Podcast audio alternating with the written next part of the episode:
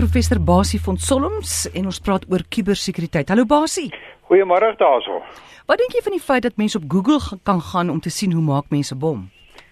Ek dink dit is 'n interessante vraag en ek gaan nie miskien spesifiek so oor die bom nie, maar maar die saak is nou nogal uh, aan die groot klok gehang. Uh, terwyl ek nou op pad terug was van Sri Lanka af, het ek 'n Engelse koerant gekry, die hoofberig op die koerant, 'n bekende Engelse koerant, was gewees dat die groot web verskaffers soos Google het bloed aan hulle hande. Want skynbaar blyk dit dat die bom wat op die trein ontplof het in Londen so verlede week een of ander tyd dat daai persoon die die resep op die uh, web gekry het. En en die vraag is jy weet watter verantwoordelikheid is en, en, en dit moet is mis maar 'n etiese saak wat ek dink ek nou nie vreeslik kan uitspreek nie, maar dit raak tog belangrik. Wat watter verantwoordelikheid het 'n sosiale netwerk of 'n sosiale plek soos Google of 'n soek engine soos Google om uh soektogte na sulke tipe goed um inligting te verskaf. Byvoorbeeld uh die hele kwessie van van uh terroriste werwing. As jy gaan soek, gaan jy kry hoe hoe kan jy gewerf word as 'n terroris? En en daar begin nou al meer en meer vra vra en ek dink dit die ding het bietjie op die voorgrond gekom met met die bom wat ontplof het. En ek ek het net 'n gevoel ons gaan meer en meer regulering daaroor kry. In sekere lande soos in uh in in China byvoorbeeld en in ander lande weet ons al dat daar sekere soekwoorde wat geblok word. As jy byvoorbeeld gaan soek uh in 'n in 'n in 'n soek engine met 'n soekwoord soos terrorisme, dan gaan jy nie antwoord kry nie omdat dit geblok word. En ek dink ons moet begin dink 'n bietjie daaroor en dit dit hang aan met af dit sluit aan by wat ons vroeër gepraat het dat van hierdie moniteringspakkette wat ouers kan kry vir hulle kinders, kan jy ook sekere soekwoorde blok. In ander woorde, daai kind kan nie as hy so 'n woord invoer ja. uh by daai soekwoord uitkom nie. Basie Deesdae word daar gesê dat kinders hou hierdie mooi skoon beeld, hierdie kuise beeld voor vir hulle ouers op Facebook en dan hulle werklike lewe is dan op Instagram en so aan. En hulle ouers weet dit nie, maar, maar maar die ouers gaan dit mos weet, hulle kan mos ook op Instagram gaan. Ja, ek dink dit is 'n interessante uh, verwikkeling wat ook redelik groot aandag gekry het in in die koerante. Die hele kwessie dat uh, dat die kind 'n soort van gesaniteerde of skoongemaakte webwerf aanbied, uh, veral op Facebook. En en die neigings wat wat beweer word en wat uit die statistieke blyk is dat uh veral tieners bietjie wegdryf van Facebook af en Facebook eintlik nou maar net hou vir jy weet dom ouens soos uh, ouma en oupa soos ek en my vrou uh om te sien om die mooi goed te sien maar dat hulle van ander webwerwe baie keer moet ander aanteken inligting gebruik maak ah. om meer direk met hulle maats te praat waaroor hulle wil praat of ongemagtig so goed en daai aanteken goed gaan die ouers natuurlik nie hê of sien behalwe as hulle hierdie tipe ooreenkomste het waaroor ons al gesels het nie. So die kind laat tot 'n groot mate vir die ma en die pa sê hier is my my Facebook profiel gaan kyk daar ouma kyk wat het ek gedoen.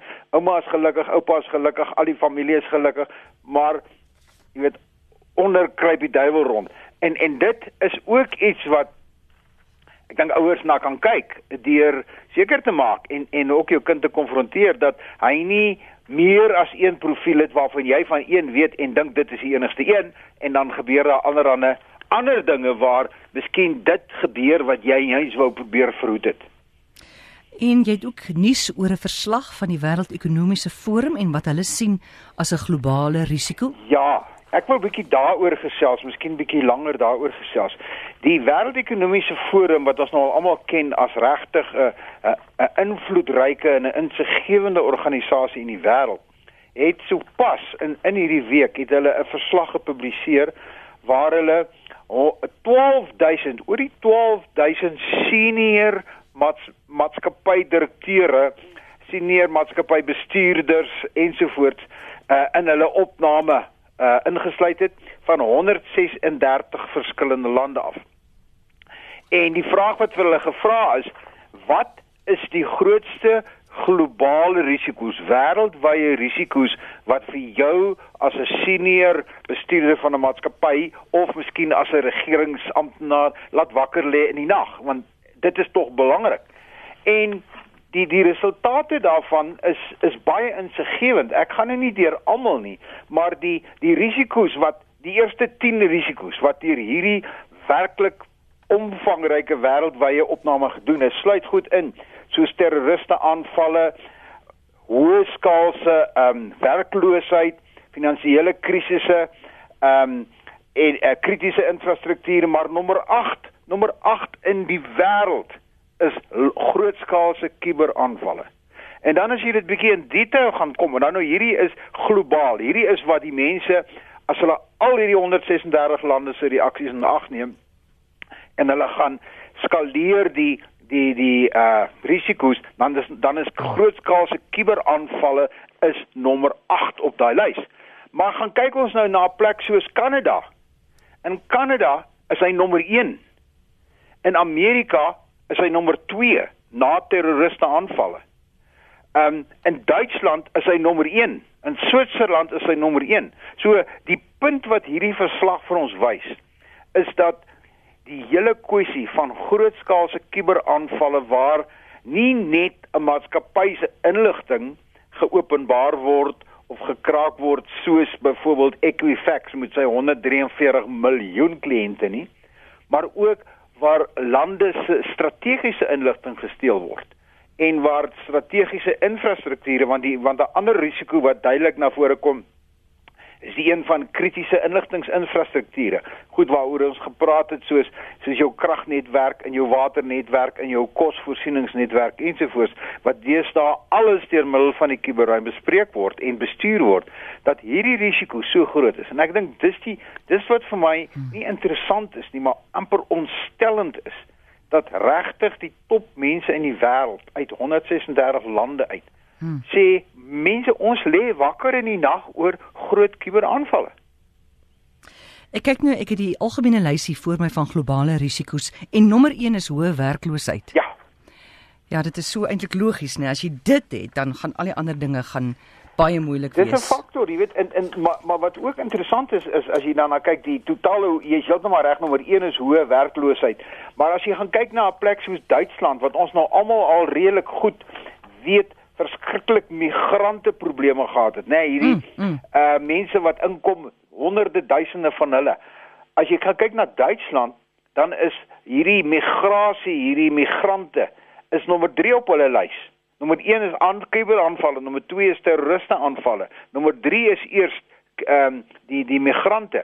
So jy sê dit maar reg, werkloosheid ensovoorts, maar net wat wat vir my regtig ontstellend is, is dat die hele kwessie van die kuberruimte en die tipe goed waaroor ons nou gepraat het.